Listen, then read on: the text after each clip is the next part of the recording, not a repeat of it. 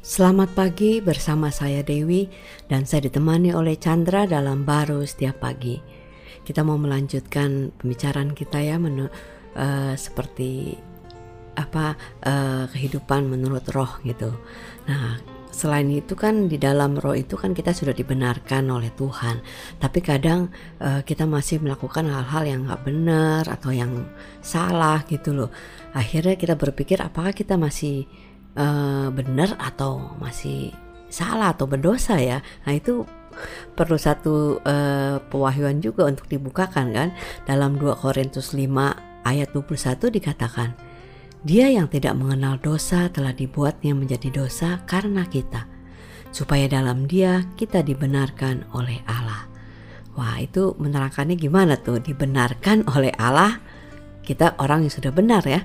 Ya uh, firman Tuhan ini kalau kita lihat itu sangat luar biasa ya. Uh, dikatakan dia ini kan kita semua tahu lah ya itu adalah Tuhan Yesus ya. Tuhan Yesus mau datang sebagai manusia yang berdosa tapi sebenarnya dia tidak berdosa karena ingin menebus uh, dosa kita yang uh, di mana diakhiri di kayu salib dengan kematian itu. Hmm. Betapa tidak mungkinnya manusia lepas daripada dosa dan kematian kan? Hmm. nah tapi uh, itu juga yang Tuhan lakukan karena kasihnya untuk menebus kita. Tapi sebenarnya dia nggak berhenti sampai di situ.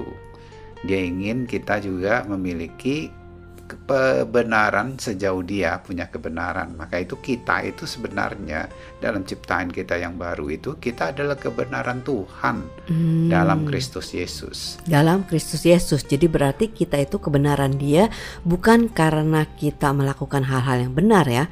Ya, tetapi kita dibenarkan. Seperti itu, sekuat-kuatnya kita melakukan yang baik karena eh, kita sudah terbatas ya. Tidak tidak mungkin bisa memiliki kebenar sebenar kebenaran Tuhan dan selamanya lagi. Hmm.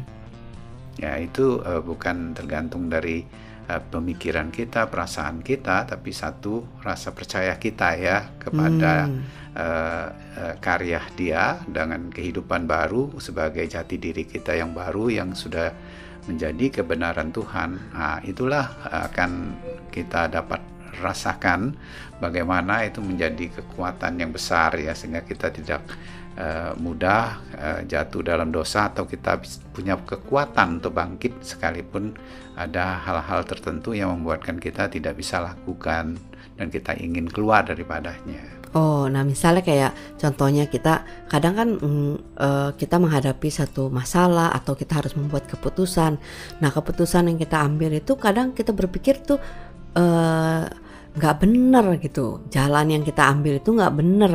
Nah itu gimana ya? Kan kita sudah menjadi kebenaran Kristus tapi kenapa kita masih bisa mengambil jalan yang tidak benar atau yang salah yang bodoh gitu loh?